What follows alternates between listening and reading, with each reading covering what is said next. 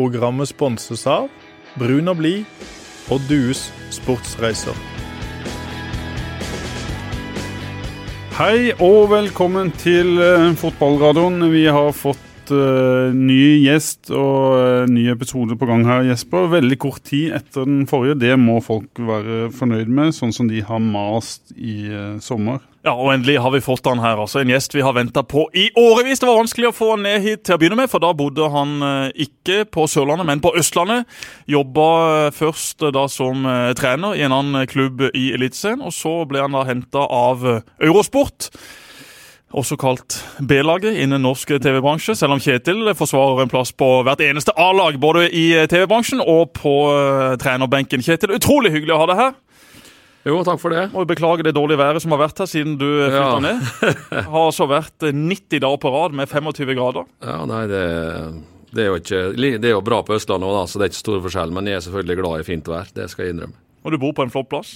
Det gjør vi òg. Har bra utsikt. Det blåser litt mye på kveldene av og til, men ellers er det fint Da. Det er godt å høre, for Kristoffer Ayers familie bor jo også på Hånestangen. Og han mener jo det er det flotteste stedet i Kristiansand, men som vi sier, det blåser alltid der. Og nå kan Kjetil bekrefte det. Du leier huset til Mats Stokkeli. Ja, korrekt. Og hvem bodde der før? Det kan Mark vel lov- det kan vel Ja, også- Dødens hus kalles det.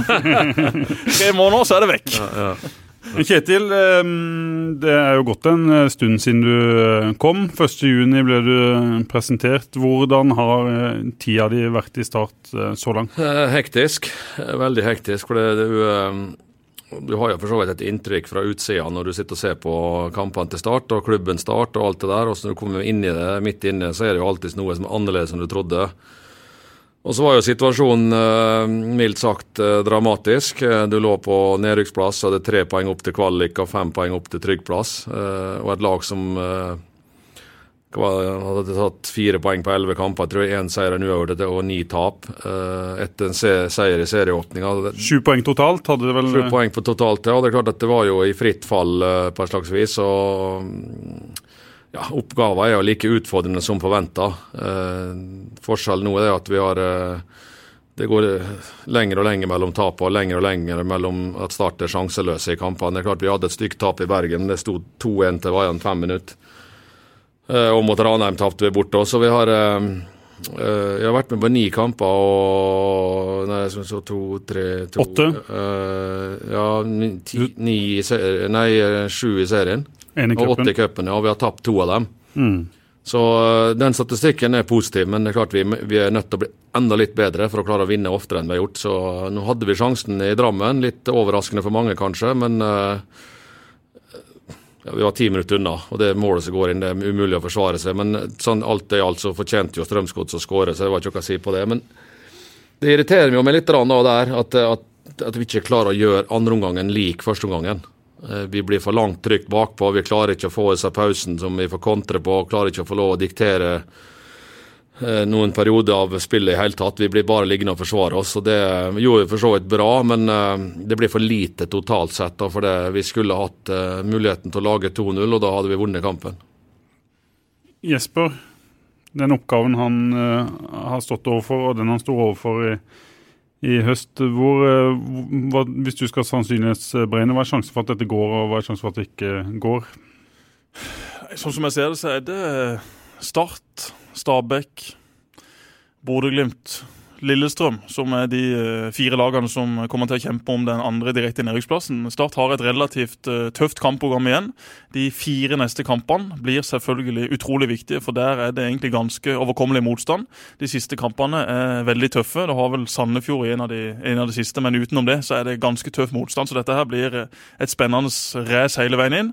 Mellom de fire lagene så tror jeg det er ganske åpent. Odd, Oddsetterne sier to i odds på starten, nedrykk sånn cirka. Gikk gjennom noen, det er jo 50-50 da. Er det, Ja. er det et realistisk bilde av situasjonen? Ja, Oddsetteren pleier jo å kunne de, men eh, jeg vil si at det er mer enn 50 sjanse for at Start holder seg i Eliteserien. Det var gledelig at man fikk inn en spiss. Jeg syns han så frisk ut til å nettopp ankomme byen i, i den første kampen mot uh, Strømsgodset. Og, og, man har ikke hatt en spiss den siste tida. Kevin Cabran er klart best ute på kanten, eller kanskje sammen med en annen spiss på topp. Det å, skulle spille alene, det, det, har ikke han vært kjempegod til, selv om han har skåra noen, noen, flotte mål og, og, vært en fin bidragsyter. Men jeg vil tro at uh, det å få på plass en, en spiss, Kjetil, det var det viktigste i, i, dette vinduet. For det er klart at Du kan få organisert opp et lag som ikke skal slippe inn så veldig mye mål, men skal du klare å skape ting, skåre mål, så er du kanskje litt mer avhengig av disse spillerne. Ja, altså det ble jo det, det ble jo sånn en intern gjennomgang av hvor vi står. Um, uh, på forsvarsspillere, midtbanespillere og, og angrepsspillere. Det er klart Du hadde 15-35 målforskjell. Uh, og skal du overleve, så må du vinne kampene dine. Du kan ikke forsvare til å overleve. Du kan få et poeng i ny og ne på å forsvare, men du er nødt til å ha trussel fremme. Uh, hvis du ser på hva Stabæk har i front, så har de OI og Frank Bolli. Det er klart, De vil alltid skåre mål, uansett hvor Stabæk vil slite. Så i forhold til det så var vi nødt til å gjøre noe helt fremst. og Adeleke var det beste alternativet for oss, og det var jobba ganske lenge og hardt for å få det til. Eh, og han, som sagt så har han stor fart, han, kan, han gjør ting på egen hånd. Så han, eh, han, etter hvert så vil han jo bli bedre, og han får litt tilpasningstid og alt det greia der. Så, men det er resten av laget som er viktig, at de gir en spiss understøtte. Hvis du lar en spiss være alene, så blir det vanskelig. Du må få folk etter. og det, som vi sa, det gjorde vi veldig bra i Drammen i første omgang, men altfor lite etter pause. Mandag, eh, Odd Kjetil, hvordan har forberedelsen inn mot den kampen vært? Det er mange som lurer på om du Du er jo kjent for å være en pragmatiker som legger opp litt eh, taktikk etter motstanderen. Eh, kom et skifte nå, nå sist. Er du der at du vil holde det for deg sjøl om dere fortsetter, eller? Nei, altså jeg har, ikke, jeg har vært ganske åpen på dette. her, for at når vi kom, så var det sånn at du er nødt til å få det laget her til å slutte å tape så mange kamper som vi gjør. Og Når det hinderet er besteget, så må du begynne å få det laget her til å begynne å vinne oftere enn en, uh, de har gjort noen gang, for så vidt, for å klare det. Og Det første steget tror jeg vi har klart å komme oss over. Det er ikke bare å hente tre poeng mot Start lenger. Det, det, blir vanskeligere og vanskeligere å slå oss, men vi er nødt til å ta et steg til. For vi må vinne noen vanskelige kamper hvis vi skal klare uh, å overleve. Og mest sannsynlig så må vi ha fem seire til. Uh, og Du kan ikke tape de seks siste utenom heller. Klarer du å vinne fem, så får du slengt på en uavgjort eller to eller noe sånt i løpet av en rekka der. Så det er klart det begynner å nærme seg at du må vinne annenhver kamp, og det er tøft. Eller du kan ha flaks at andre lag tar poeng. Og når det gjelder måten vi spiller på, så blir det jo vi er langt unna det jeg ønsker at Start skal se ut som. Det er klart vi skal ha en, et fast mønster å spille etter og alt det der, men uh, jeg er ikke så sikker på om vi, vi får tid nok til å få til det nå. Da blir det mer sånn at vi må legge opp en strategi og en taktikk og en formasjon som gir oss størst mulig sjanse til å vinne den kommende kampen. Og da Hva handler det om? Handler det om ikke øve så mye på eget grunnspill? Og ja, altså Vi må gjøre det litt òg, men eh, vi må stå på banen med et stabilt lag. Uh, og så Da blir det jo fokus på dødballer og kontringer, som kanskje er det enkleste å gjøre. Uh, hvis vi skulle satt i gang nå med et komplisert spill bakfra, så hadde vi kanskje øvd oss i hæl, og så har tida gått fra oss. Ja, For du er jo egentlig en trener som liker å styre kamper ja, og ja. holde ballen i, i laget, men det er ikke det viktigste nå? Jo, det er jo en del av det, men jeg tror hvis vi skulle trent oss til å bli såpass gode at vi kunne styre kampene fra start til mål sjøl, så har tida gått fra oss. Jeg tror ikke vi har, vi har ikke nok tid til å klare det før sesongen er over. Men gjennom en vinter så er jeg ganske trygg på at det skulle vi eh, fått til. At vi har en, et veldig strukturert eh, angrepsspill i tillegg til å være aggressive i forsvarsspillet. Nå blir det mer sånn at du er nødt til å bli aggressiv i forsvarsspillet, prøve å få laget til å stå høyt, uh, og så forenkle det offensive spillet med at du har veldig stor fokus på kontring og dødballer og kanskje litt lengre pasninger for å minimere risikoen. Hvis du ser antall balltap på egen halvdel hos Start nå, så er det jeg sier ikke at det er null, men i forhold til det det var når vi satt og så på kamper i vår, så er det en vanvittig stor forskjell. Nå er det kanskje to-tre ganger per kamp, mens det var oppe i 15-20 i andre kamper. Så det er blitt borte. Uh, og så er å, å, lære seg da, å spille med det presset som er der. Det, det kommer til å bli jevne kamper hele veien inn. Om du leder med ett mål, så må du ride av eller skåre et mål til. Ligger du under med ett mål, så må du utligne uten å slippe inn et mål til. Altså Det er mange sånne faser i kampene som dukker opp nå, som kommer til å bli eh, ganske krevende, både psykisk og fysisk, for å, å holde tålmodigheten, da, istedenfor å gå opp i liminga eller eh, ja, gjøre eh, naive ting da, som gjør at du taper kampen på 1, 2, 3. Du kommer jo med noen sånne uh, ja, ting som kan skje i løpet av en, en kamp. Er du sånn at du er forberedt på alt? Ja. Ja, det, det det. Hvordan funker det i praksis? Er det sånn at Hvis Simon Larsen blir utvist, så vet du hva du skal gjøre Ja. på mandag? Ja. Du er nødt til å ha gjennom Du må ha en plan for alle sinnssyke hendelser i en fotballkamp, egentlig. Hva er det mest sinnssyke du har lagt en plan for? Nei, det er jo kvalikkampen mot uh, Sandefjord inn i Valhall. Der vi, vi øvde på begge scenarioer. At vi måtte skåre mål siste fem minutter for å vinne kampen for å unngå rykke ned, eller vi skulle forsvare oss med nebb og klør for å ikke slippe inn det målet som gjør at vi rykker ned. Og vi, eh, vi var jo på begge scenarioer. Var 3-3 til det var igjen 6-7 minutter. Så skåret vi 4-3, og da måtte du snu om på hele greia. Men du må trene på det, da. Så vi er jo innom litt sånne ting sakte, men sikkert. Men det, det er klart, jo færre kamper det blir igjen, så mer dramatisk blir jo en skåring enten for eller imot. Så eh, det er klart det blir mye taktikkeri i de siste elleve serierundene, og, det vil tilta egentlig for hver runde som går. Vi kan risikere å stå i Haugesund i siste serierunde der eh, ett mål skiller fra himmel og helvete, for å si det sånn. Så, og det må er jo være si forberedt på. Ja. Det må jo være forberedt på. Så det, det er klart at det, det, fotballen er, han er jo egentlig forutsigbar i mesteparten av tida, men det skjer jo brutale ting. Og, og til, til sjuende og sist så er jo resultatet som teller, uansett hvor du vrir på det. Så er det forskjellige måter å komme frem til det, da, men uh, det er klart det blir en, uh, en, en taktisk prega høst. Og det er klart det, det kommer til å ha betydning hvordan det står i andre kamper samtidig som vi spiller òg. Den psykologiske fordelen med å ta det ene poenget så kommer ett poeng foran kontra ja, hvis et lag ligger under. ikke sant? Altså, du, du må liksom telle opp noe runde for runde, og, og da vurdere risikoen på hvor mye du skal satse sjøl opp mot de andre. Altså, når jeg starta i juni, så sa jeg at det første målet nå er å prøve i fall å komme seg på kvalik. Og vi har ennå ikke vært der. Vi er målforskjellen bak, og det har vært nå et par runder, så det har vært fint om vi klarte å bestige den byrden på et eller annet tidspunkt. her, Så vi fikk ett lag til bak oss. da, så Vi vil jo ikke få stor nok avstand, men at bare den psykologiske effekten av at vi har klart å tatt igjen og gått forbi et lag, den vil være uvurderlig. Så, og så må du begynne å jakte ned det neste. Hvordan syns du spillerne mottar de beskjedene du vil prente inn hos dem? Ja, det, det, De er veldig lærevillige, eh, og de gir eh, alt de har. Da. Men klart, men det er jo mye urutinerte spillere der som ikke har eh, si, stått i krigen der konsekvensene er enorme da, for forskjellen på poeng og ikke-poeng og, og alt det der. Så, men det må de lære seg. og det er klart at Vi bruker mye tid på det i samtaler med dem med, tanke på det å ikke tenke konsekvenser og ikke fokusere på tabellen og ikke fokusere på resultat, men fokusere på prestasjonen din. Og så får eh, vi på sida trykke inn knappen når nå må vi begynne å tenke resultat. Og at det liksom ikke skal eh, sette dem i en, en ubehagelig situasjon som gjør at de får panikk, da, men at de syns det er greit. Du var, veldig, du var veldig klar på, Kjetil, når du tok over, at, um, at nivået på, på spillergruppa var bra, men var veldig jevnt. Det var få som, som stakk seg ut. Har det endra seg, seg litt? Hvis jeg sier at det har endra seg litt, hva sier du da? Ja, no, At du har fått noen enere nå? i, Ja, no, noe, noe av det endrer seg. ikke sant? Du har eh, Kevin Cabran har løfta seg mye. Han har blitt voksen på veldig rask tid med selvtillit og, og begynner å ta ansvar. Damon syns jeg har spilt ekstremt bra i alle kampene jeg har vært her.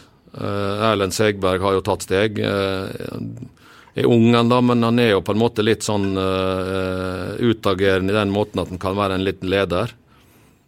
Eh, Jonas har stått bra i mål. Eh, Aron var på gang en stund, men har falt litt av lasset igjen nå. Eh, så det svinger jo. Afis har vært bra. Har fått liksom kanskje litt mer rolle som passer han, med at han ikke nødvendigvis blir låst fast i en posisjon, men at han får litt mer frihet og kunne bruke løpskapasiteten sin og aggressiviteten sin. Så Det blir jo litt sånne ting som du oppdager etter hvert. da. Er det noen du venter på? Vil vil navngi Ja. noen som du venter på, som du ser Ja, kan bidra for dette laget? Ja, El, El. El, Elliot eh, er i fin stigning nå. Det tok litt tid eh, før han skjønte eh, hvordan jeg ville at han skulle spille. Nå forsvarer han seg mye mer aggressivt fremover kontra rygge bakover. Simon bør vite det. Der er det mer å hente. Og så har du en, en Kasper som kan komme med mer, og du har en Bringaker som kommer med mer, en Niklas Sandberg, en Isak Tvom som på en måte trene bedre enn en spiller, sånn som jeg oppfatter. Så det det går litt opp og ned, da, men eh, vi skulle gjerne ønske at det var flere som tok steg raskere. Men det er jo trygg på at de kommer til å gjøre etter hvert. Eh, når de blir coacha tøft nok over lengre tid, så vil du se at det er flere som tar det enn dem som detter. Da. Men det vil alltid være ei gruppe, eh, uansett, at det, det går litt i Det går opp med en del, og så går det noen da dessverre andre veien med. For Det har jo litt med hvordan du spiller og hvilke krav du stiller til dem. Men tror du, Hvordan tror du det ser ut til slutt? Hvilke lag tror du kan stikke av gårde, og hvem er det det står mellom, Jesper? Det er helt umulig å si. Det kommer til å bli et, et rotterace på slutten. Stabæk imponerte meg veldig mot Molde. Molde var selvfølgelig veldig svake, men som Kjetil er inne på, de har Boli, Oi, Njaye. De har uh, spillere offensivt som kan skape ting uansett hvem de møter. De var gode på Lerkendal også i, kampen før der. Så at Henning Berg klarer å få strukturert opp det laget bakover, at de har såpass mye kvalitet framover at dette skal holde hele veien inn, det, det kan jo se sånn ut. Uh, nå har også Kjetil fått det da med Adeleka Kenyemi inn, og så uh, hvis han da da sammen med, med Kevin Kabran spesielt kan være de to som eh, er de kreative kreftene i dette laget, så har også plutselig Start noe de ikke har hatt tidligere denne sesongen. For det har vært veldig tynn suppe, det som har eh, blitt prøvd på spissplass. Først uh, var det Floki Finn Borgarsson, som nå spiller i, i, Sverige, som så egentlig totalt ufarlig ut. Lars Jørgen fikk litt sjanser. han er reist til Ullkisa. Skåra to mål i sin debut. Det var moro å se for en, for en, bra gutt som nå finner et nivå og en klubb hvor han vil få, få spiller mye, så det blir spennende å følge han.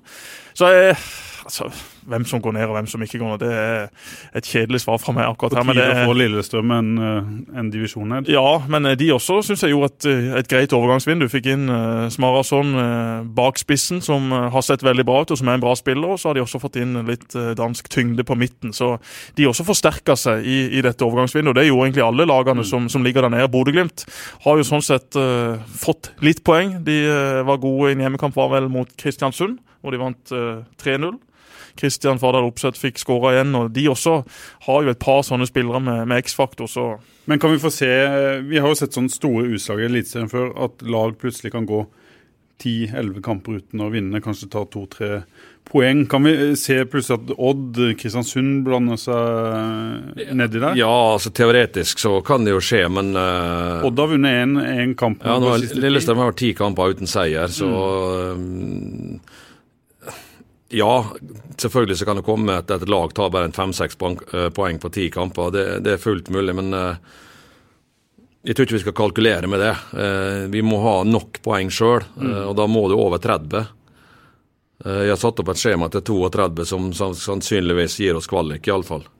Er tre poeng eh, mot Odd eh, en del av den eh? Ja, det er ikke nøye med hvem du tar poengene mot. altså Vi må bare sørge for at vi tar poeng og har hver helg, vi. Men Deler du det opp i, i bolker, eller bare setter du en Ja, det, på et vis gjør du det. Men det ikke sant, du kan jo godt si at hadde du slått Ranheim, så hadde du kanskje tålt å tape for for godset hvis du slo Odd igjen, f.eks. Mm. Men vi er fortsatt under ett poeng i snitt, så vi må komme oss over at den neste seieren gir oss 1,1 eller 1 1,08 eller hva for noe i, i mm. snitt i poengskalaen.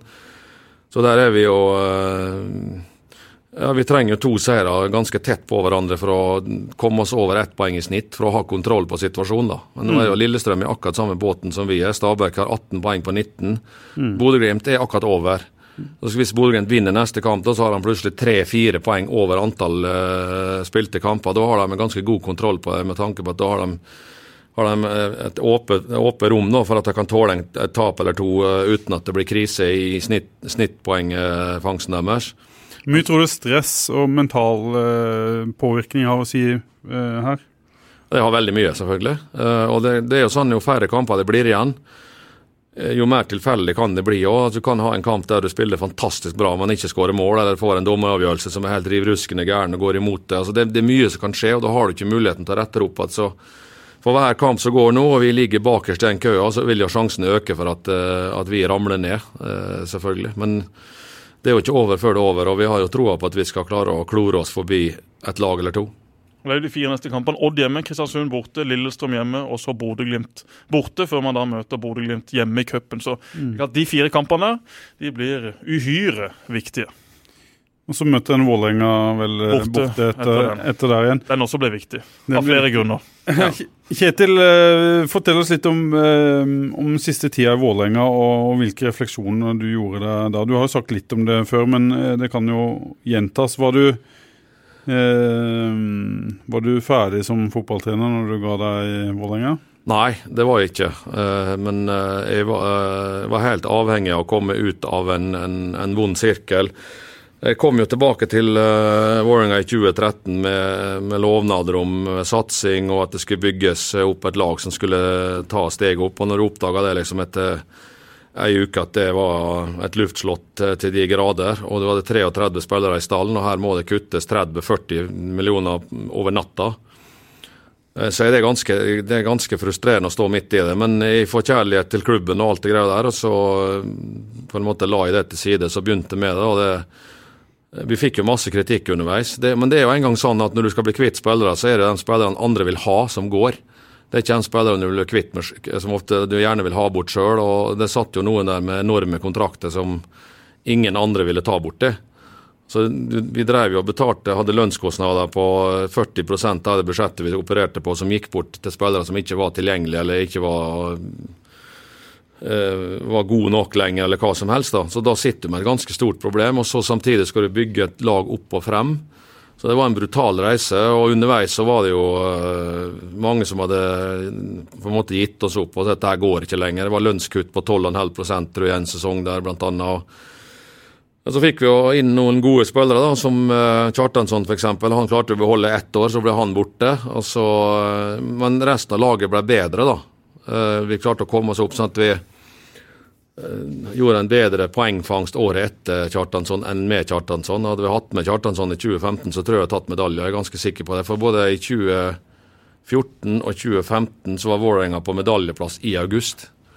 Men størrelsen på stallen og, og manko på rutine og, og, alt det greia der, det ble, det ble, for tøft over 30 kamper. Og så kom jo den brutale 2016 med en elendig vårsesong. Uh, mye skader og, og, alt det greia der. og Tapte de fire første? Ja, tapte de fire første, så det kom jo egentlig på hælene. Men høstsesongen i 2016 var jo blant de beste. Jeg tror det ble nummer fire på høsttabellen.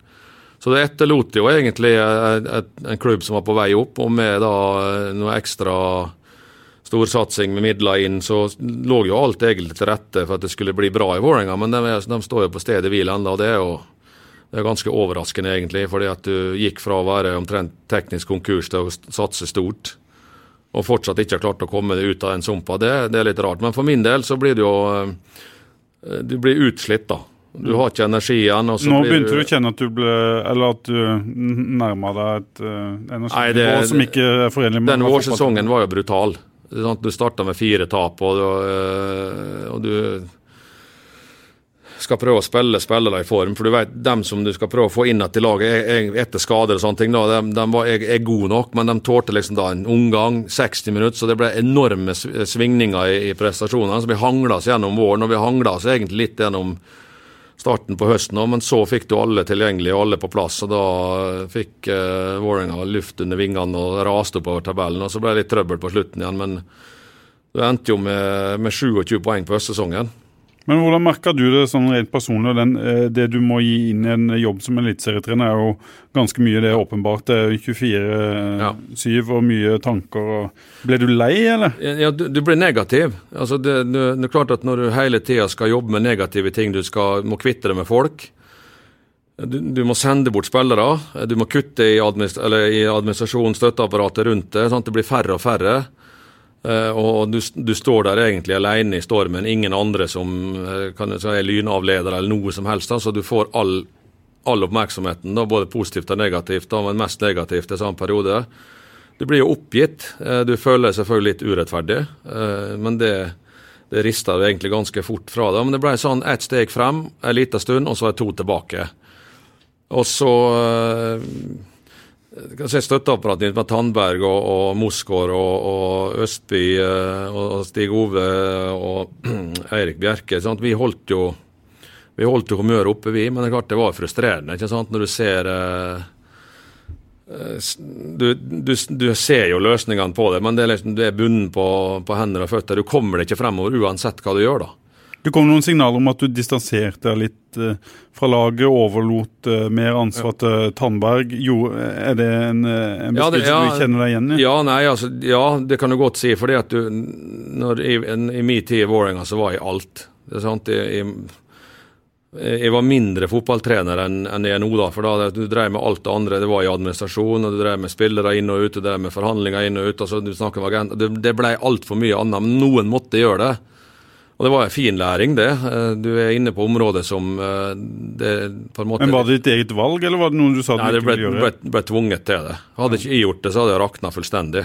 Sånn, da hadde du ikke hatt eh, personal til å ta seg av eh, viktige ting. og Så kom det SPZ inn, eh, og da ble det litt lettere. og Så begynte det å bygge opp en administrasjon, og, men da forsvant de ut. Altså, da, du kan godt si at det eh, redda et skip fra å drukne, og når jeg begynte å få ut vannet for å, for å ikke synke, så eh, forsvant de, kan du si. Så, men det, det var helt greit. det var, Du var oppbrukt, da. Du blir jo det, ikke sant, når du, når du hver dag driver med bare negative ting. Hva lærte du, da? Ja, Du lærte jo det at det er helt uaktuelt å gjøre det samme en gang til. og Sånn sett så er det jo en befrielse å være trener igjen. For Nå slipper du og jeg slipper å tenke på hva administrasjonen driver med, jeg slipper å tenke på hva sportsdirektøren driver med. og alt det greia. Jeg har jo god kontakt med begge deler, selvfølgelig, både med Langeland og Otto Christian. Men vi trenger ikke å bekymre meg over eller må blande meg borti eller hjelpe dem utenom at eh, de ber om det. da. Så nå kan jeg konsentrere meg om treninga i morgen, laguttaket, taktikken oppfølging av spillerne. Jeg har Allerede på kort tid så har vi hatt to uh, spillers, spillersamtaler med hver og én. Sånn, I Vålerenga måtte du utsette det hele tida. Vi tar det neste uke, tar det neste uke. Altså, det er klart Du, du mister litt kontakt med spillerne da. Nå har jeg litt mer nærhet til dem, og det tror jeg er ekstremt viktig. Og så er det, godt for meg å få inn Tandberg, for han, han veit hva jeg vil. Uh, og da slipper jeg å gå og mase om det hver dag, uh, eller gå etter spillerne hver dag. For han, han ordrett sier det samme som jeg sier. Hva handler det om? Handler det om hva de skal gjøre, Ja. hva de skal spise, hvordan de skal trene? Ja, en, ja, egentlig alt. Sant? Da slipper jeg å bruke dem opp og leke banale småting. Da, som, eh, og da blir det lettere når jeg prater, så har du 100% oppmerksomhet og, og 100 tillit til uh, det budskapet jeg kommer med, istedenfor at du står og bruker opp en oppvarming eller bruker opp en pasningsøvelse eller må gå etter spillere for at nå plukker de ikke opp skiten på gulvet og sånne ting. For de som ikke kjenner Morten Tandberg, hva er hans store styrker? Hvordan er han som person og trener? Han er eh, veldig uh, detalj, detaljfokusert. altså Han ser det hele bildet og det store bildet, og så klarer han å bryte ned til små, viktige ting som du drar med inn i store bildet. altså Hvordan du skal slå en pasning, eh, hvordan du skal bygge opp spillet, hvordan du skal forsvare det. Små detaljer, hvordan du går på en spiller, du skal hindre et innlegg for f.eks. Hvis jeg skulle stått og forklart alle disse tingene der nå, så tror jeg han blitt ganske lei av stemma mi ganske fort. da. Men jeg er på feltet hver dag, eh, og etter hvert når jeg har fått Tandberg-varme i trøya nå, så vil du, se vil du se enda mer tydelig det samspillet oss to imellom. Der han kjører én del og jeg én del, og så bytter vi noen ganger for å, ja, for å blande det litt. grann. Hva gjorde pausen eh, da du jobba på TV med det? da? Altså, Hvordan fikk du opp sulten igjen og lysten igjen til å komme tilbake? Altså, jeg, har vært, eh, jeg har jo vært en fotballfrik eh, hele tida, så det har jo vært livet mitt. Så lysten har nok vært der bestandig. Men jeg tror, jeg tror det var lurt å få ting på avstand. Jeg har aldri sett så mye live fotball som jeg gjorde ett og et halvt år jeg drev med, med Eurosport. Og hvis jeg absolutt ville, så kunne jeg gått rett inn i en trenerjobb i, i februar i fjor i utlandet. Men det hadde ikke vært lurt. Eh, Da, Hva slags tilbud var det? Kan du si det var ut, om det? ja, jeg kan si det var for utlandet. En, en klubb som jeg har snakka med mange ganger. Keflavik på Island. Nei, det var det ikke lenger nedover i Europa. Så jeg har jo en bra, en bra jeg skal ikke kalle det for vennekrets, men omgangskrets i, i sportsdirektører og agenter rundt nedover i Europa som vi ofte snakker med. og Det er mange klubber fra utlandet som ringer meg og spør om norske spillere. så en dag så kan hende de reiser ut igjen, hvis, det- stemmer. da, Det må liksom passe. men Nå har jeg jo to gutter på 7 og 11, sånn, så det er ikke bare å reise utenlands. Men er det en drøm du har om å, å, å, ta en tur til ut? Ja. Det, du må ha den drømmen, du må ha en drivkraft, du må ha noe å strekke etter. Hvis jeg hadde vært, jeg, synes, det jeg er veldig fornøyd med å være i Start, men jeg må ha noe å strekke meg etter for at jeg skal gjøre en best mulig jobb i Start. Og Hvis jeg var overfornøyd med å være i Start, så hadde jeg på en måte kanskje akseptert en liten nedtur. Og jeg og med at du er Ja, du må jage noe hele tida i den bransjen her. Hva er realistisk å få til med Start, da? Nå er det jo eh, først og fremst i år å gjøre alt vi kan for å berge plassen. og Klarer vi det, så er jeg- er sikker på at vi i alle fall skal være minst midt på tabellen neste år. Det er jeg trygg på, for den gjengen har utvikla seg. Det trenes bra, den fysiske biten eh, kommer seg. Og som jeg sa, det, det er vanskeligere å slå Start nå enn det var for to, to måneder siden. Og, og det må vi glede oss over, og det gjør vi òg. Men vi vet at vi er under et vanvittig press da, med tanke på at vi eh, hadde sesongen starta da jeg kom, så hadde jeg ikke bekymra meg for tabellsituasjonen i hele tatt. Da hadde det gått veldig fint. Men eh, vi hadde et handikap der, og som Jesper sier, vi har en brutal avslutning med sesongen med Molde, Haugesund og Rosenborg som ganske så sannsynlig kjemper om gull og medalje. Eh, men det kan òg være en fordel. Det trenger ikke være noe ulempe, det kan være en fordel. Så de klarer å holde stand, og dem kanskje risikerer Det kan jo bli to lag som risikerer vilt på slutten av kampene, så det, det vet vi jo ikke. Men nå får vi tenke på Odd og prøve å, gjøre det vi kan der. Få til en prestasjon som gjør at vi har muligheten til å vinne kampen, og da må vi ta noe ned der. Kan dette prosjektet i, Kristiansand minne litt om det du hadde i Ålesund i sin tid? Ja, det tror jeg. Det tror jeg absolutt. Det, vi må bygge på laget. Eh, vi må utvikle den spilleren som er her. Og så vet jeg at eieren er veldig gira på at vi skal bygge på litt og litt hele veien. Eh, og da vil det sikkert noen forsvinne, og kanskje får vi til et, et salg eller to som eh, du kan reinvestere, og sånn at det ikke blir bare investeringer hele veien. Så, ja, for I Ålesund så hadde du etter hvert et ganske solid kollektiv, ja. et bra maskineri, og så ja. fikk du inn et par offensive spillere som hadde ikke bare litt ekstra, men mye ekstra. Ja, Vi begynte jo i 2009. Da kom, Foran den sesongen så kom Fredrik Karlsen og Anders Lindegård. Og Lindegård ble borte på sommeren, men så kom han igjen en måned etterpå. Altså I 2010 så var det kun Magnus Sylling Olsen. Så kom Barantes på sommeren i 2010. Uh, eh, jeg glemte DeMar Phillips, som kom i 2009. Sant? Så du henta inn to-tre Eh, litt om gangen. Og så kom Jason Morrison eh, inn, og så utvikla Ulvestad, Tollås, Åri Larsen, Jonathan Parr samtidig. Og det er jo litt det samme her. At du har mange unge som kan bli gode eliteseriespillere. Så må det fylles på med en og annen gode spillere rundt, altså at nivået på, på, laget går oppover hele tida. Så må vi utvikle det, selvfølgelig. Vi, vi, kommer ikke utenom det. Vi er nødt til å få dem som er her, bedre enn de er akkurat i dag. Men det er jeg sikker på at vi får til. Du, Kjetil, du har sagt at du aldri har ofra en kalori om hva folk eh, tenker om det. Eh, hva slags inntrykk tror du folk har av, av deg, både som person og, og, trener?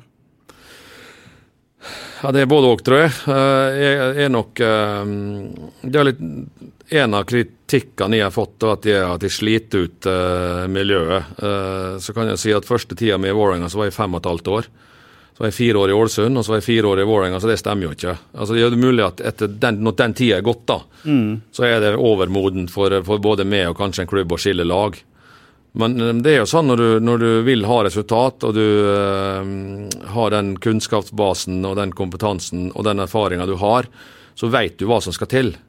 Og det er klart For å få det til, så må du kreve ting. Du må sette det på spissen, og du må jage forbedringer hver eneste dag. og det ja, Det er sikkert noen som opplever det som ubehagelig og krevende, men dem som klarer å knekke den koden, dem blir betraktelig bedre òg.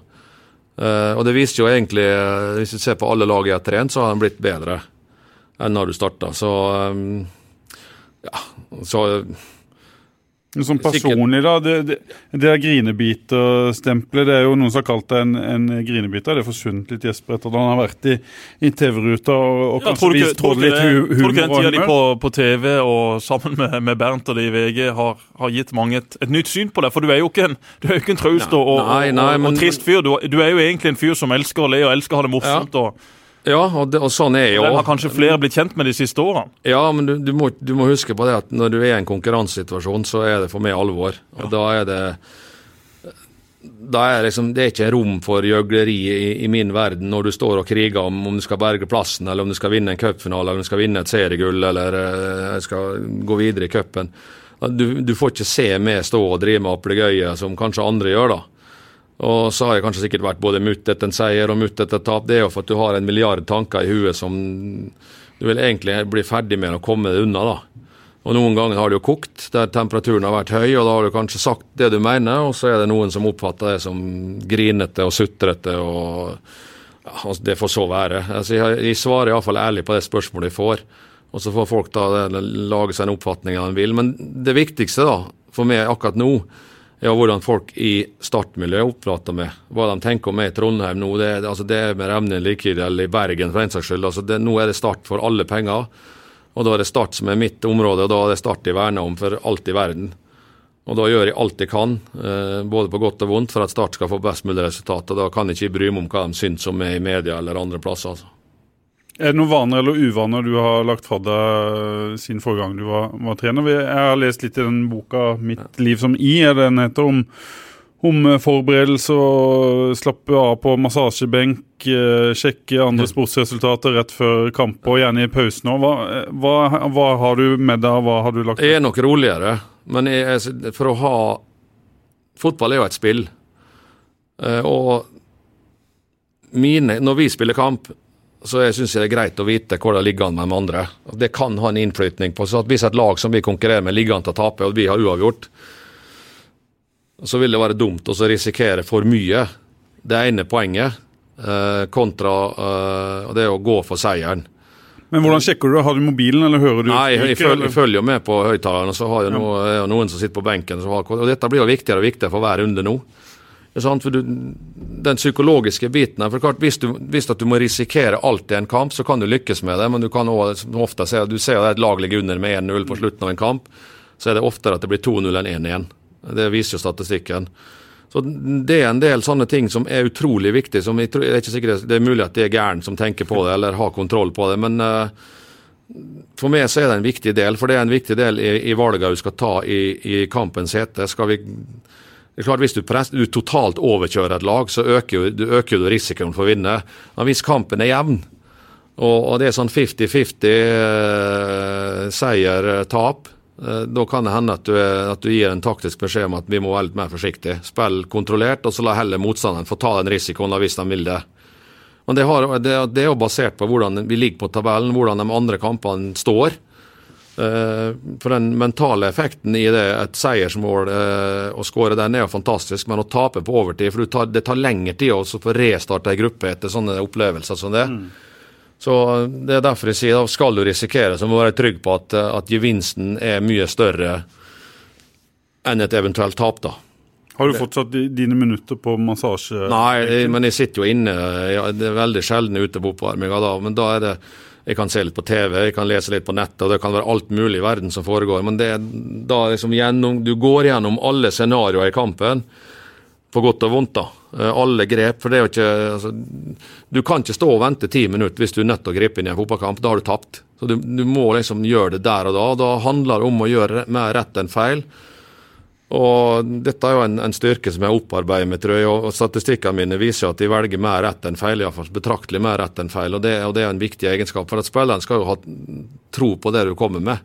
Hvis han står som spørsmålstegn og gjør noen endringer, da, da, blir det vanskelig å få effekten ut av det. Hvis du har tid på, på kamp, da, så får du med deg Formel 1? Det gjør vi. Du er veldig fascinert av Formel 1? Formel 1 er, Hvorfor det? Nei, det er fascinerende. Altså, Taktikkeriet? Ja, det er jo det. Og så er det så lite som skiller. da. En ventil ryker, så kan du gå fra førsteplass og seier og himmelen til å ikke fullføre løpet. så Hvis du tar NHL, da, bare for å slenge inn dem, så der er jo der er alt målbart. Er du på isen og laget scorer, så får du pluss. Er du på isen og laget slipper mål, så får du minus. Og så er, er du med på skåringene liksom med, med, assist eller scoring eller nest sist assist. Så det er klart at Hvis du setter deg og ser på etter 50 kamper, og du har ikke vært med på noe som helst, du er bare på is når vi slipper inn mål, så er det klart at da er det noe gærent med den spilleren. Da er du ferdig, vel? i USA? Ja, det kan fort bli treida bort. så Det er jo ikke så like lett i, i Favoritt-Formel 1-sjåføren, det er Det er Louis Hamilton. Og Da står du i sofaen når han vinner, altså? Ja, ja. Det, det, ja. Jeg, jeg. Ja, ja, jeg hater jo Ferrari. Men hva er grunnen til at Louis Hamilton er en eh, favoritt? Nei, Det begynte jo med Mika Häkkinen. Jeg har vært Mercedes da hele veien. McLaren Mercedes. Og Så slutta han, da ble Kimi Reikön, men så gikk jo han til Ferrari. Da ble det slutt med han. Så kom Louis Hamilton da opp og frem. Altså, han er jo den beste føreren som er der nå. Det er sant, han, eh, han, han, ja, han kalkulerer risikoen sin, og han er jo den som er mest på beefkjøringa. Så det, det, viser jo at han, han Men han venter på rette øyeblikket ofte. da, så det det er små marginer på det, men det, for meg så er det fascinerende. Jeg følger jo med mye annen sport. da, Vintersport og alt det greia. Hvem, hvem, andre det som er på en måte Ikke kall det forbilder, da, men noen du, du klarer å engasjere deg i personlig? Jeg syns det er stas når Northug vinner. Han gjør nok litt mer aplegøy enn jeg gjør. Men han, eh, han tør å, å, å, by på seg sjøl og, og, sånne ting. Du har jo sånn som han eh, Karsten Warholm som har kommet fram som et frisk pust. Eh, Zuccarello. Zuccarello. Digger jo Zuccarello i måten han oppstår, fremstår på. Så jeg, jeg, kjenner meg jo igjen litt Ikke, ikke, ikke hele, hele, men jeg kjenner meg igjen litt i så, der, så jeg prøver jo å lære av å studere andre personligheter. da, På hvordan jeg kan kanskje bli litt bedre sjøl. Det, det med ærlighet og det å være ganske direkte, er det en viktig del av det? Ja, det syns jeg. Eh, så vi, er, vi, lever i et land her som er Vi er ekstremt flinke å prate om andre som ikke er til stede. Uh, og vi er ekstremt flinke til å kose oss over at andre mislykkes. Altså, som jeg sier, Hvis din største seiersglede er at andre mislykkes, da har du bomma. Altså. Så det, men noen ganger så må du kanskje håpe på at andre skal tape da, for at du skal vinne sjøl. Sånn er det. Men uh, fokus på seg sjøl og sine ting. Eh, og blir du spurt om eh, Hvis du legger merke til nå etter det slutta Eurosport, så kommenterer ikke andre lag i hele tatt. Og hvis de gjør det, så er det positive ting. Ellers så lar de være å svare. Mm. Eh, for det er jo nok av dem som blir hårsåre og mm, ja, tar det feil opp da, og ikke forstår sammen, sammenhengen eller sammensetningen av det. Så jeg snakker aldri om andre lag eh, når jeg er fotballtrener sjøl. Bare vent til det kommer et overtidsmål i en eh, litt sen eh, høstkamp, enten en eller andre veien. Men Hvordan merker du på TV da, når du snakker negativt om, om andre lag? Fikk du tilbakemeldinger da fra ja, altså, kollega? Nei, ja, ikke så mye. Nei, jeg tror ikke, men, nei, men jeg vet at Vålerenga-gjengen var skikkelig sure. For De følte det kanskje at de var etter dem, men det er jo bare et syn på det som du ser. Uh, og Vålerenga var den klubben jeg har størst forutsetninger til å vurdere. Jeg vet hvordan det var når jeg var der. Jeg vet hvilke muligheter som ble lagt på bordet for dem som tok over. Og, og resultater og, alt det greia. Det har ikke blitt bedre i hele tatt. Og da, uh, Jeg er ikke bitter for det. Jeg håper at Vålerenga skal gjøre det bra. Men, men jeg mener at prestasjonene til Vålerenga de to åra etter at de slutta, har ikke vært bra. Ut ifra mulighetene og forutsetningene, sånn sett. Og jeg vet hva jeg sleit. så og Da er det enkelte som vil ha at jeg er bitter eller sur på noe, men det er jeg definitivt ikke. Jeg har fortsatt et godt forhold til uh, veldig mange i Vålerenga, det har jeg tenkt å bevare. Så, men det er jo sånn når noen føler det er urettferdig, da, og, og sånt. Men jeg har jo reist rundt med Rosenborg. Uh, talsmannen i Tjern han han satt jo ved siden av meg på flyet, eller bak meg på flyet. og han, han, når vi gikk av flyet, så var jo han happy med at han hadde blitt uh, kjent med meg, iallfall. Mm. Og hadde et helt annet inntrykk av og Han syntes at det var fair med Rosenborg når jeg kritiserte dem, og skrytte av Rosenborg når de var gode. Og Det er jo den delen av jobben du har. at du må, Men jeg går aldri på folk, da. Det er jo litt viktig at du går aldri skjeller ut en spiller eller går og sier en trener er udugelig, for det blir feil for meg. Men du kan snakke om valgene som eventuelt var der, og valgene som ble gjort, om det lykkes eller ikke. Det er jo ingen trener som er dum. Og det er ingen spiller som er ubrukelig heller. Så, men det de leverer, det er jo det du må se på, og, og ikke og det er noen som oppfatter det som personlig. Mm. Eh, så jeg har blitt kritisert av Jesper mange ganger og diskutert med om han, han, han sier at Vålerenga ikke hadde en plan for spillet, så er jeg jo selvfølgelig totalt uenig i det. Men Har dere hatt noen sånn uh, off record-samtale eller meldinger dere imellom der det har gått hett for seg noen gang? Ja, ikke hett for seg. Jeg tror nok begge forstår den rollen man har hatt. Men uh, i San Marino så, så fikk jeg så ørene flagra i en sofa der. Kjetil kom, kom, bort til meg og spurte hva i all verden jeg hadde uttalt for noe. Da, da, da, tror jeg at jeg hadde uttalt uh, Ja, det var noe kritisk. Om det var offensive plan eller om det spillelogistikken, et eller annet. I hvert fall noe Kjetil var dundrende uenig Og så prata vi en halvtime om det, og så var, var vi jo sånn sett, ja, altså, sånn sett enige når Norge spilte Nei, nei, nei, men, men, det er jo litt spesielt med Vålerenga, for det er veldig mange som er glad i å snakke om Vålerenga. Men fortell San Marino. Hva, hvorfor var dere i San Marino? Det, var jo, Kjetil kommenterte landskamp, og jeg var nede og dekka det for, for TV 2. Og da reiste vi jo på diverse turer. Vi, vi var der og bodde langt oppe i en fjellskrent og, og, hadde det hyggelig. Vi, vi hadde det veldig fint på turer. du da, Jesper? Nei, det syns jeg, nei, det synes jeg bare er kult, det. Det er jo, men, men, det er jo noe av det syns jeg er finest med norsk fotball. At ting du sier faktisk kommer fram til de som er aktørene, og at de da type kan ringe deg eller snakke med deg, så man kan diskutere og bli informert om hvordan ting faktisk er. Jeg er ikke noe redd for å kritisere folk eller spillere eller trenere. Jeg tror nok alle har en forståelse for at eh, det er rollen av Vålerenga og Kjetil Rekdal er jo noe det, det er det gøyeste å debattere, mm. fordi at han er en av de aller aller største profilene, enten du ser på spillere eller trener. og Da er det naturligvis en av de det blir skytt mot når ting ikke Men hva er viktig for dere når dere skal kritisere Nei, folk? Ja, altså For meg så er ikke, kritikk er ikke problem. Det er helt greit. altså Det har jeg levd med hele tida. Men det må være faktabasert og, og, og riktig. Uh, og nå da Jeg uh, hadde jo en diskusjon med Christian Gauseth, f.eks. Han kritiserte spillelogistikken. min. så sier han jeg forteller de fire siste åra jeg var i Vålerenga, så er jeg 50 millioner pluss mm. på spillelogistikken min. og Likevel så driver du og kritiserer oss for det, så det skjønner jeg ikke. Ja, alle feilkjøper. Ja, men det er de andre som ikke har salg, da. Altså når, når, når, du, du, må komme med fakta. for hvis, altså, Spørs hvorfor henter du en spiller. Sant? Vi måtte krige med styret mitt for å få 250 000 for å få Simen Juklerød. Nå selger Vålerenga han for tre millioner til, til Antwerpen. Altså, altså, det er mange sånne ting som skjer. og Kjartansson på en, han koster én million, du selger den for 30. Sander Berge henter vi fra, ehm, fra Asker. Selger for langt opp på 20-tallet, og hvis den blir videresolgt, så får Vålerenga en del til. Så du må summere opp totalen. Du kan ikke bare henge opp med dem som, som ikke lykkes. Altså, det er ingen fotballklubb som henter spillere som, som eh, du får solgt videre med fortjeneste. Det, det er ikke sånn, men totalen den er jeg opptatt av. Og da, men for meg så var det sånn at alt, alle salgene gikk jo rett i et uh, svart høl. da, så Du fikk liksom aldri reinvestert det. Det gikk bare til gammel moro og redde livet hele tida.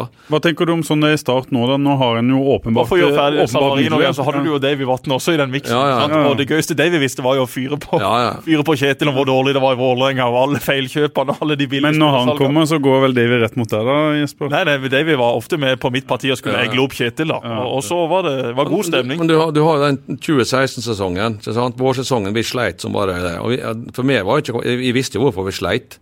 Men du kan liksom ikke gå ut og fortelle alt heller. Så du, du er på en måte bunnen litt, grann, så du står der og tar imot mye skit som kanskje er Føles urettferdig. Ja, en, ikke alt, men noe av det. altså Klart resultatet var elendig. Eh, Det er jo ingen som legger på det. Og så løsner det utover høsten. Vi tar 19 poeng på ni kamper, ni, eh, ni kamper uten tap og spiller fantastisk fotball en periode.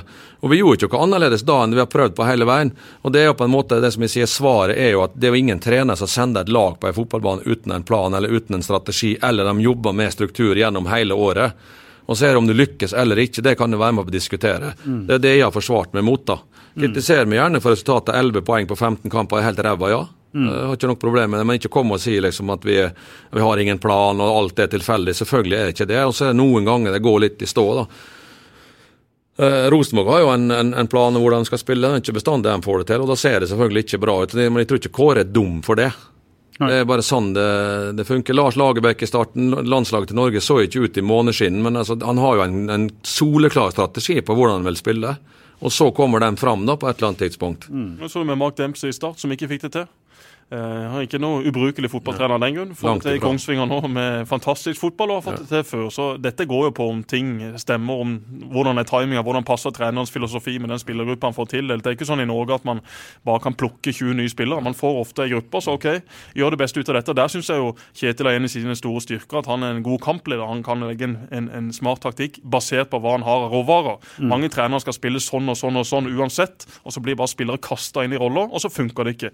Kjetil kommer plutselig han med fem bak i Drammen, eller tre bak, altså tre midtstopper, eller hva, hva vi kaller denne formasjonen. Det er jo et lite overraskelsesmoment. Det er det ikke så mange trenere og så mange klubber som praktiserer. Man vet som regel hvordan den og den klubben kommer, og med hvilke spillere som kommer i de posisjonene. også. Det ble åpenbart et tema i Strømsgods at de kanskje ikke var forberedt på hva Start kom med. Ja, det var jo Ulland Andersen vel som var ute og sa at dette var de ikke forberedt på. Det var en sløv inngang til kampen. Det var noe spesielt han å gå ut og si det, men det var i alle fall et tegn på at de var frustrerte etter kampen. Hvor de da satt og tenkte jøss, dette så vi ikke komme. Dette var nytt for oss. Det er ikke dette vi har øvd mot hele uka.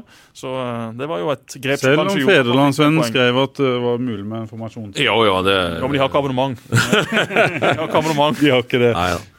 det ehm, men allikevel så, så kan det jo virke som eh, det er noen klubber som er, er vanskelig å løfte, selv om en eh, kanskje er et omland som en har masse potensial. Vålerenga og Start er jo to klubber. Brann har jo vært det før. Store klubber som, som sliter med å få ut sitt uh, potensial. At det kan ligge noe i veggene, kulturen, uh, ting som uh, spiller inn som kanskje er vanskelig å få øye på. Ja, men Det tror jeg går på lynnete folk. Altså, så Hvis vi tar den klubben som jeg kjenner best, det er Vålerenga. Der er det så mange fraksjoner i klubben som har meninger om, om bestemte ting. Mot rasisme er viktig for noen. Og så er jobbsjansen viktig for noen. Og så er noen viktig med damefotball, noen er veldig viktig med breddefotball, og noen vil tenke På bredt fokus. Jeg tror det er det som er problemet. Nå er det skilt der, altså nå har vi elitedel og, og breddedel. Og så er det, Da blir det negativt. Altså når, når jeg har jo opplevd så diskutert med supportere gjennom mange år. sant? Altså Vinner du 3-0, så var det ett mål, for du skal vinne fire. Sant? Og så, eh, så Neste kamp da så vinner du 2-1, og da er det feil folk som spilte. Hvorfor spiller ikke han? Altså, Og det er veteranene som er tett på klubben, som ser ja, ja, men, ja, det er, supportere har, eh, det er en ganske stor supporterskare som, som har meninger om det. Det er klart at Da, da blir det jo negativt. og Jeg møtte jo noen her når jeg skulle til, Meny her nå til uka før vi skulle til Drammen. Jeg lurte på hvem vi skulle møte i helga, så er Strømsgodset borte. Ja, jeg blir tapt, da. Altså, sånn, ja, det er jo ikke sikkert. Jo, de har ikke vunnet borte på så og så lang tid, ja, men det er jo en ny sjanse å vinne. Altså, Jeg tenker jo motsatt, da. Jeg tenker jo inn mot kampen. Hvordan skal vi finne en måte å spille på, så at vi kan i nåværende situasjon ha en sjanse til å slå Strømsgodset. Og da kommer du opp med det svaret. og Jeg brukte mange dager på det frem og tilbake. og Jeg bestemte meg egentlig ikke før klokka tre på kampdag, eller rett før matchmat, halv tre, at det ble det systemet. Hva var det som gjorde at du eh, Nei, magefølelsen. det akkurat da? Magefølelsen. Ja. Og da, det, Hvor var du da? Hva gjorde du når du Nei, jeg- eh, nei, det var magefølelsen. Vi hadde, du, har, du har veid for og imot da, ganske Men mange ganger. diskuterer du med Morten Tandberg? Ja, jeg diskuterer med alle sånn sett, da, men til, når jeg har liksom samla den informasjonen jeg trenger, så trekker jeg meg litt tilbake. Mm. Og, og da, Så legger jeg det bort. da, for Morten spurte meg på fredag hvor er du nå, så jeg, jeg er ikke i nærheten av å klare å bestemme. Nå er det, det svirrer rundt. Så går det en dag til, og da er kanskje, ja, sånn, og så kommer det på søndagen, og da eh, har du et mage, magefølelse. Og da sa jeg jeg har best trygghet på 3-4-3 eller 3-5-2 eller hva du kaller det for noe. Og det traff vi på. Eh, Og det disse tingene her som er viktige i, eh, i dagens fotball. Jeg husker en gang vi skulle til Tromsø med, med Ålesund, og vi hadde så mye skader og karantene at vi så vidt kom oss opp med en elver. Da trente jeg Demar Philip som venstreback hele uka.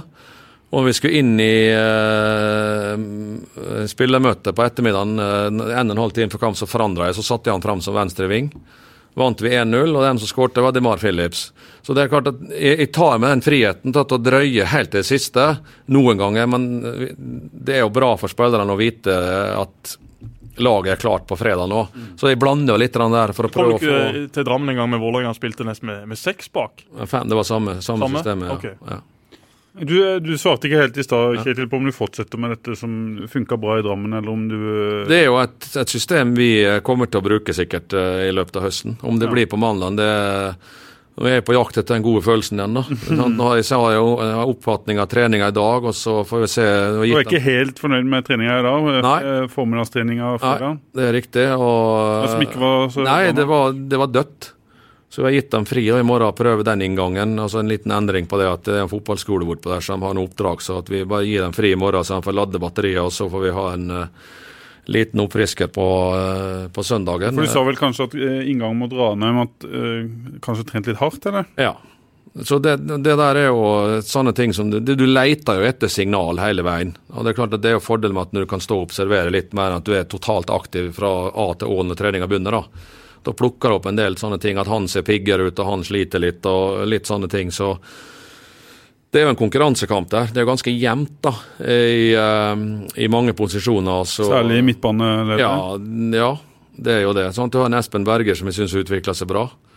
Som står og banker på døra til å få sjansen. Du skjønte at han viser en hurtighet Ja, som eh, ja. er ganske enorm for tida, Ja. både i trening og, og kamp. Og han har, eh, når jeg kom, så syns jeg han var veldig statisk og, Mm. og ble fort sliten. Men han har heva seg i intensitet og heva seg i, eh, i, i at han orker å bevege seg mer. Eh, Og det er klart En midtstopper han må jo være på alerten hele tida. Hvis du er litt trøtt og sliten som stopper, da renner din mål på det. Så du må være uthvilt når du er i aksjon. Så han er på bedringens vei. Så han, uh, han står i banker på døra for eksempel, til å få en sjanse. Han gjorde en bra kamp i Bergen, han. Mm.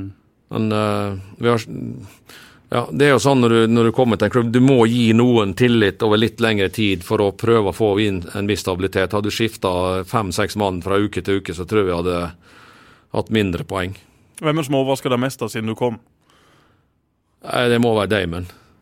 Han har spilt eh, meget sterke kamper, alle kampene jeg jeg har vært med på. Hadde du noe inntrykk av at han var en sånn Ja, litt, eh, var litt for vill. Ja, litt for vill. Nå er han mer fokusert og gjør mindre feil og er liksom present når han skal gripe inn. da. Og da kommer han ut på, på toppen. da, ikke sant? Han tar ut folk og han eh, vinner de viktige duellene og gjør mindre tull, tullende ting. da. Mm. Det hadde et inntrykk at han drev med, det at han falt ut på konsentrasjon. og sånn, Så han har vært stabilt god. Han har ikke vært med på tapeenden når jeg har vært der. Han var ikke med verken mot Ranheim eller Brann. så... eh, Men det Er det en spiller du tenker går eh, videre fra start på et eh, Det er, hvis han fortsetter det han gjør nå, så skal vi ikke se bort ifra det. Forhåpentligvis ikke på en stund, men eh, ja. Jesper, hva tror du om kampen på mandag? Sjala ble matchvinner. Liker ikke det i kortene? En litt eh, bitter Fagermo på, på sidelinja der. Vi har ikke snakka så mye om Sjala, men eh, Kjetil, i hvert fall jeg som har sett mye trening i det siste, syns kanskje han er spilleren som har eh, sett best ut de gangene han har vært eh, fit Ja. for fight på trening. Absolutt. Han uh, har overraska meg. Jeg visste jo at han var bra, men han er liksom, du ser at han har vokst mye på utenlandsoppholdene sine. At han er mer leder. Han er Tar tak, ja, ja, han er litt type. Tar tak i ting og pusher lagkameratene sine og krever ting. Så har han kraft i beina? Ja, ja men, det, men akkurat det samme har Kevin begynt å gjøre. Og mm. Kevin sa ikke et ord når jeg kom. Når jeg prata til ham, så sto han bare og lytta. Nå begynner han å diskutere uh, taktikk og, og, hvordan det er bra for han, og hva han tenker om andre ting. Så, og begynner å coache folk rundt seg. Så det er klart, det har, vi, har, vi, har, tatt et steg her. Uh, det betviler jeg ikke, men som sagt så er vi fortsatt favoritter til å rykke ned med at vi ligger bakerst i den køa. Kanskje vi får litt hjelp av Sandefjord kommende uken, eller, eller, at de blander inn. og Det kan det skje, det. og De er med på kraftig opptur, dem òg. Mm. Litt om overgangsvinduet som var. Hvor involvert var du eh, i, i det? Var veldig involvert i det, selvfølgelig. Det kom jo en hel haug med navn på, eh, på lista, eh, som ble spilt inn for, fra, både fra min side og Tandbergs side og Andreas og Tor Christian sjøl, så vi la alt i en haug og begynte å sile ut. og Dette må vi prøve. og Noen ganger så klarte vi å komme igjennom og ble utkonkurrert. Andre ganger så hadde vi ikke sjans, eh, og noen klarte vi å få til. Så vi fikk inn Begge de som kommet inn, var blant den lista vi hadde som var høyt oppe. Det, det at Stad ligger der de gjør, og, og historien og, og, sånne ting, eh, løs, kommer det til å løsne hvis en overlever i Eliteserien? Ja, det er, sikker, det er jeg sikker på. Jeg tror, sånn, sånn, som jeg har forstått det, så har uh, eierne lyst til å bygge på eh, litt til på laget. Eh, det er klart det er viktig at vi gir den gjengen som er her nå tillit og muligheten til å utvikle seg, spesielt mange av de unge. Mm. Og til slutt så må vi velge noen av dem. Eh, for det at skal du ha utvikling, så må du spille. og det er klart Hvis du har seks eller seks spillere på to plasser, så har du to for mye. Så Det vil jo si at noen kommer til å måtte gå igjen nå. Oppi hele den oppbygninga så mm. Men det er betryggende å være i en klubb der du slipper å tenke på at uh, vi er konk neste måned. Mm. Eller at det ikke er lønning der, eller at vi må kvitte, for, kvitte oss med folk osv. så eh, Men det er noen som tror at uh, ok, nå er det ingen nye spillere inn før, før det åpner igjen i, i, januar. Men det finnes jo muligheter. Men ja. Skal vi sette en strek og si at det er nok, eller kan det skje ting nå? Teoretisk så kan det jo skje at det dukker opp et eller annet frem til 10.9, er det vel. Da er det arbeidsledige spillere du kan signere. Men det skal jo være betraktelig bedre enn vi har. Og da reduseres jo den sjansen ganske fort, egentlig. Ja, Så lite sannsynlig at noe skjer? Ja. ja. Hvor viktig blir det å få inn eh, flere etablerte spillere som kjenner Eliteserien, hvis man skal ta steget opp på den øvre halvdel?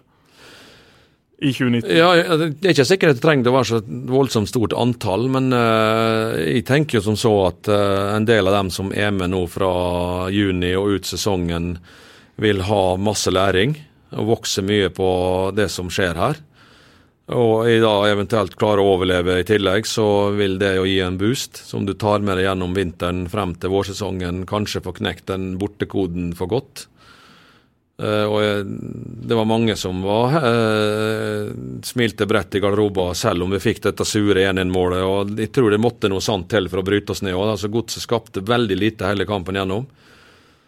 Det måtte sånn en spesiell situasjon til, enten det er brøler for oss eller et sånt skudd som blåste inn for at det skulle bli uavgjort der. da. Men følelsen er god etter den kampen? Det er klart det er det. Ja. Og, og, Da er du ikke redd for å reise til Kristiansund lenger, eller til Valle for å møte Vålerenga, eller eh, andre bortekamper, eller til Bodø kanskje, når vi skal dit. Du, du, du, har fått en mental boost da, som gjør at du er tryggere på deg sjøl, og du vet at du har noe å komme med. ikke sant? At du ikke er underlegen i 90 minutter, men at du kan dominere perioder. og Det gjorde vi jo i første omgang, blant annet. Og så er det å få dette til å henge sammen i 90 minutter. Uh, der er et, et stykke igjen ennå. Ranheim var en rotete kamp, da, men vi, vi, hadde ikke nok smartness til å finne den ene åpninga som ga oss den 1-0-seieren. Han lå jo der egentlig for muligheten, men det var egentlig det samme for Ranheim. De fant ikke åpninga til å finne den 1-0-skåringa, dem heller. så vi nulla hverandre ut, da, men det er jo dit vi må komme. At vi har den der smartnessen og den klassen og den uh, den evnen til å finne det ene målet som gir enorm forskjell på resultatet. Eh, det har vi ikke klart ofte nok. Eh, vi klarte det mot Stabæk, vi klarte det mot Kristiansund. Vi klarte det ikke mot Ranheim, og vi klarte det heller ikke nå. Nå hadde vi egentlig eh, fordelen, da. Alle, alle muligheter til å kunne ta Strømsgodset, i og med at du leda 1-0 der og klokka gikk imot dem og vi sto bra bak. men dere gjør så mye med sånne skudd. Nei, men, men det, det, det, skjer ikke igjen. Nei, det er riktig, men det, var ikke bare det som var skuffende for min del. Det var skuffende at vi datt for ja. langt bak i andre omgang. Så at vi kom ikke med avlastningsangrep. Vi var ikke farlige mer enn én en eller to ganger. Er det at noen blir litt uh, slitne? Jeg vet ikke. selvfølgelig så har det jo litt med motstanderen å gjøre at godset mm. trykker på enda mer. Men det skal jo gi oss større åpninger. da, så Men i gamle dager så ble det påstått at da var det treneren som var feig, at han dro laget ned. og Det var mm. definitivt ikke tilfellet. Eh, det, det var en annen myte som har mm hengt over med da, at uh, når vi leder, så skal vi liksom bare forsvare oss. Men det, det men Sånn er det vel for alle, alle, trenere. Det er noen ting som ofte skjer naturlig, at uh, lag blir spilt klare. Ja, ja, spørs hvor lenge det er igjen en kamp, selvfølgelig. Du sender jo ikke frem sju mann hvis du leder 1-0 eller to minutter igjen. Nei. Eller er det dumt? Da har du ikke gjort det lenge. Da har du snart sparken. Ja, Hvordan stiller du deg til disse norske lagene som nå kan komme seg ut i Europa? Hva har det å si for holdt på å si, avstand opp til de beste? Altså, er det bra, eller er dårlig for norsk fotball? Altså, hvis Rosenborg går inn, så klart vil jo dem kunne distansere seg vanvittig, og det tror jeg de gjør. Uh, og Det er jo bra for Rosenborg, og det er bra for toppen av norsk fotball. Men på et, altså konkurransehverdagen, da, uh, så kan det bli liksom tilbake til det gamle at Rosenborg vinner hvert eneste år igjen. Men det er jo en gulrot for de andre at er, du er nødt til å bli bedre sjøl. Du kan liksom ikke sitte og se at det er Rosenborg sin feil, for det er det ikke.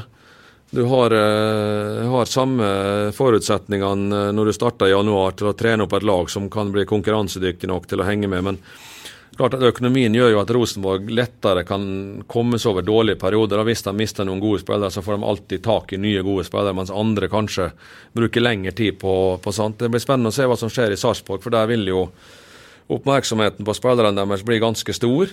Og, og lønnspresset på Sarpsborg som klubb kommer til å øke betraktelig nå. Uh, at de skal spille Jeg vet ikke hva som er topplønna ved Sarpsborg, men hvis det er 50 000-60 000, sånn, så vil jo mange av spillerne få tilbudt det dobbelt og kanskje tre ganger i andre klubber. Da blir det tøft for Sarpsborg å, å, holde dette der gående over ja. tid. De hvis de går inn i Europaligaen, så må de gjennom med det Hvis det kommer 100 millioner inn på, på bok, som er en tredobling av, av budsjettet der, så så, det, så, må de vel ta et valg? Rosenborg kan få rundt 100. Jeg tror ikke summen blir like stor for Sarpsborg med tanke på at ikke de har så mange tilskuere osv. Men det er klart det vil være en betydelig sum for Sarpsborg. Og det vil jo være en helt ny verden for dem. Thomas Berntsen har jo vært flink til å forvalte dette før. Jeg, jeg har ikke troa på at de plutselig legger om kursen. Jeg tror de vil fortsette å drive på denne måten. De må få tak i spillere på ei hylle, og så må de få solgt de ut for en, for en større sum. Og det er jo egentlig sånn som Rosenborg faktisk også må. Det er ikke lett for Rosenborg heller å hente spillere.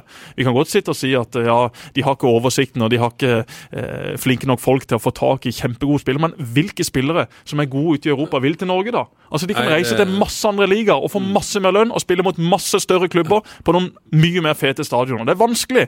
Det har blitt en, skift, en endring i europeisk fotball de siste årene som gjør at avstanden ut nå blir veldig, veldig stor. Men ser vi også et tegn til at norske klubber blir flinkere til å holde på de som, eh, de som kan være aktuelle for for å gå til andre klubber, f.eks. til Rosenborg fra andre norske klubber? ja, det, det, det, kan, ja, det kan godt hende. Det kan godt hende. Men sånn, hvis vi tar Rosenborg nå, da, altså det er jo ingen eh, altså De henta han, han Jebali for 12-13 millioner. Sarpsborg kan ikke gjøre det. Nei. Eh, eller kommer aldri til å gjøre det. Sant? og Det er jo forskjellen. da, så Rosenborg har de pengene. Eh, Sarpsborg vil sikkert få det. Men kan hende at, at Sarpsborg blir tvunget til da, ja, ok, vi er nødt til å gå opp med topplønna vår på 10-15-20 Kanskje fra, Hvis det er 60, da, så kanskje og nå kan vi gå opp til 80 for at vi har 50 millioner på bok. Mm. Eh, men at, at, at, det blir noen dobling av lønn, lønnsposen eller tripling i, i Sarpsborg, det ser jeg ikke for meg. Da, da øker òg sjansen til at det kommer et uår, som vi kaller det. da. Mm. At du mister to trenere i det beste, og så skal de erstattes, eh, og så treffer du ikke. Og så detter du sportslig, og så begynner den snøballen å rulle i negativ eh, i retning. Da. Men Sarpsborg har vært flinke. Det er full stadion på Europacup. Bygd opp, litt, opp litt for litt uh, hvert eneste år. Mens Rosenborg kan kjøpes over sanne fase. Mm. Det er vel ingen andre norske klubber som kan uh, Start. gjøre. Men Start prøver vel å kjøpe seg litt ut av en, en eh, dårlig ja, fase, og er i ferd med å, å etablere seg ja. et sjikt bak Rosenborg sånn økonomisk? Ja, men det er jo Det kommer ikke til å bli sånn at du kjøper spillere i vilden sky i start. På et eller annet tidspunkt så har du bygd opp en stall mm. som det blir naturlige utskiftninger på, på to-tre inn og to-tre ut. Og så sier at du selger en spiller for å si 10 millioner, så kjøper du en ny en for tre-fire. Mm. At du plusser litt på regnskapet ditt, og så reinvesterer det i Det har vi snakka om før, Jesper. Det er jo på en måte eh, forretningsmodellen oppi oppi dette. At, ja, Den stallen måtte jo totalrenoveres på mange ja. vis, og det koster jo litt. Mm. Det, det, gjør det, og det er jo derfor at den kostnaden blir veldig stor, også kanskje i det neste vinduet og det neste vinduet. Men så vil man ha en stall hvor man da har masse spillere som vil være interessante for andre klubber. Og så, som Kjetil sier, så vil du kunne begynne å selge spillere, få inn litt kroner, og så går det sin gang. Så jeg tror ikke Start kommer til å bruke like mye penger de neste fem årene, men at de kan komme til å bruke litt allerede i, i vinter, altså i januar-februar, det tror jeg på. Og kanskje da også sommeren om et år til. Men, men så må det begynne å nærme seg en stall. Men da er det avhengig av at de overlever? Nei, det tror jeg ikke. Nei. Jeg tror ikke det har så veldig mye å si, for å være helt ærlig. Det vil selvfølgelig bety en del økonomisk eh, for Start som klubb at, eh, så vil du vel ha noe at man rykker ned. Spilleren kan få tak i. Ja, altså, jo men, da, men Start er en altså- attraktiv klubb. altså Kjetil kommer til å, å være der. Eierne de er på plass med, med, med sine penger og, og, sine egenskaper. Så det er klart at Start vil være en attraktiv klubb for, for veldig mange spillere. Og Går du ned med det mannskapet du har nå, så går du rett opp igjen. Ja. Mm. Og, og, du kommer til å utvikle det neste år òg. Mm. Selv om det eventuelt i verste fall måtte spille i Obos. Jeg tror vi skal klare oss, ellers hadde jeg ikke vært her. Uh, så, uh, men du jeg har jo ingen garanti, verken i eller Start. Så, uh, men det går an. og da, Hvis du snur på i dag, da, mm. da kommer du til å være favoritt mm. i Obos. Og da er du nødt til å jobbe så ekstremt hardt med ditt eget spill at du blir god til å spille ut lag konsekvent i 90 minutter i Obos-ligaen, og tar med deg den opp når du skal mm. møte bedre lag til året etterpå. Så det, det, Du kan lære mye av en, en, en sånn sesong, og føre kampene og, og, stå etter med offensiv markering og kanskje være mann mot mann i forsvarsspillet ditt og for å sette et vanvittig press på en motstander og, og kneble dem fullstendig. det Har du trent lag i Obos-ligaen? Ja, jeg, hadde jo, jeg starta ja. i Obos-ligaen med Vålerenga. Ja. Så det, da er målet mitt 30 seire. Det Det var da du spilte mot MK? Ja. ja. Det er lenge siden. Det er riktig, det. Det var ti år. Du, Vi skal snart uh, gi oss, men vi må snakke om én ting som veldig mange er opptatt av, som du har fått oppleve, Kjetil, opptil flere ganger, men som ingen andre har fått uh, oppleve. Uh, det kommer en kamp her litt ut i september mot Bodø-Glimt på, mm. på, hjemmebane. som Det er to kamper unna cupfinale. Hvordan ser du sjansen for å nå en, en cupfinale med det laget du har? Det er fullt mulig. Altså, jeg vil jo påstå at eh, hvis det, alt går som normalt den neste måneden, så skal jeg sette en favoritt sånn 60-40 i den kampen. I dag, da, så ville jeg satt at Start 60% og 40% Bodø-Glimt i den mm. kampen, kvartfinalen. Og Så spørs det hvor du trekker semifinalen, hvis du kommer gjennom eh, kvartfinalen. Og hvor spiller du? Klart, uh, Får du Rosenborg på Lerkendal, så er jo sjansen mindre for seier enn om du får hjemmekamp mot uh, ja, Haugesund, Strømsgodset, eh, Lillestrøm, Bryne, eller hva det er for noe du kan få. Ja. Så det vil jo ha en påvirkning på det, men det er jo, det er jo ikke umulig å vinne på Lerkendal heller.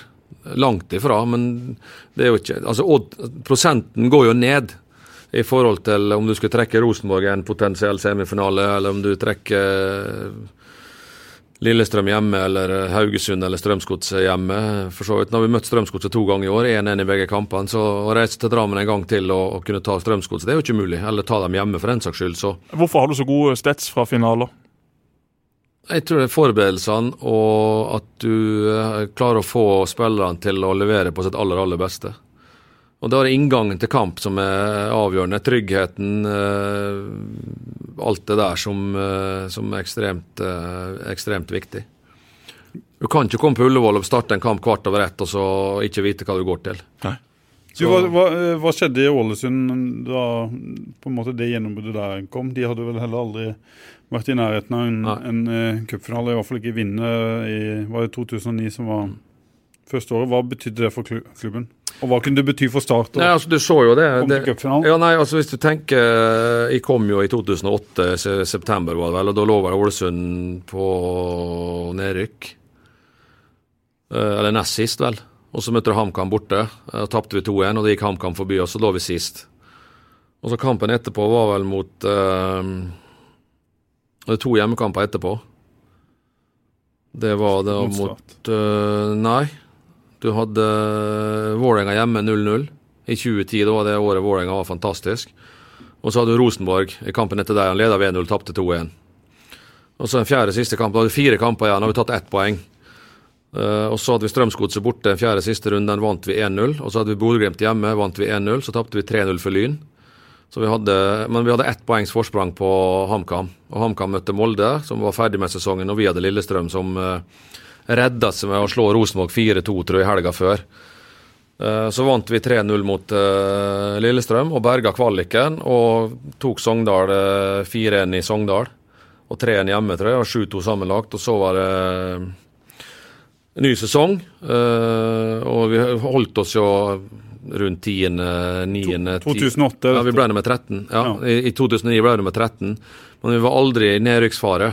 Altså Vi var jo rett over, vi var i fare, men vi var aldri i skikkelig trøbbel. da, Vi hang med hele sesongen gjennom. Mm. Og så kom vi til cupfinalen, da. Uh, og å vinne den med ti mann i 70 minutter uh, mot Molde, som vi hadde slitt noe grusomt med i både serien og i en treningskamp den sesongen, tapte alle tre ganske uh, overlegent, egentlig. Ikke i, i antall mål, men de var klart bedre enn oss. Det tok du med inn i 2010-sesongen. Så starta du med hjemmekamp mot Lillestrøm, vant den. Så hadde du bortekamp mot Hønefoss og vant den òg, så du hadde seks poeng og var plutselig topplag. Og da smitter jo det. Eh, og den læringa av den cupfinaleseieren var jo brutal eh, positiv for, for spillergruppa. Å vinne noe og stå i, i krigen som underdog eh, og vinne cupfinalen med, som sa, med ti mann i 70 minutter, det gjør jo noe med ei gruppe. Du har knekt en kode, og det, da er du mer mottakelig for nye krav. Uh, du blir mer mot motivert av det, og du ser at, du blir, at gruppa blir bedre, enkeltspillerne blir bedre, laget blir bedre. Sånt at, du gjorde noe med omgivelsene, med publikumsstøtte? Ja, ja, ja, naturligvis. Men nå hadde jo Ålesund ganske solid eh, publikumsstøtte for så vidt hele tida jeg var der, så mm. uh, den var positiv. Men det var, det var, kanskje en litt sånn en klubb som gikk fra å synes det var kjekt å delta, mm. og det er så stas å spille på Lerkendal, til, til, å begynne å ta poeng fra lag som du synes det var kjekt å spille mot. da. Mm. Det, liksom, det, er litt mot min uh, natur og syns det er kjekt å reise rundt og spille mot denne. Det er kjekt å reise hjem med noe.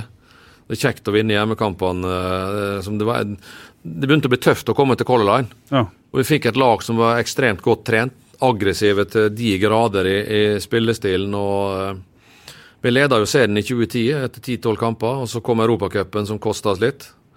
Og så gjorde vi det samme igjen i 2011. Vi leda vel serien da, da men da drap Europacupen oss. Vi spilte vel åtte torsdager. Vi kom til playoff.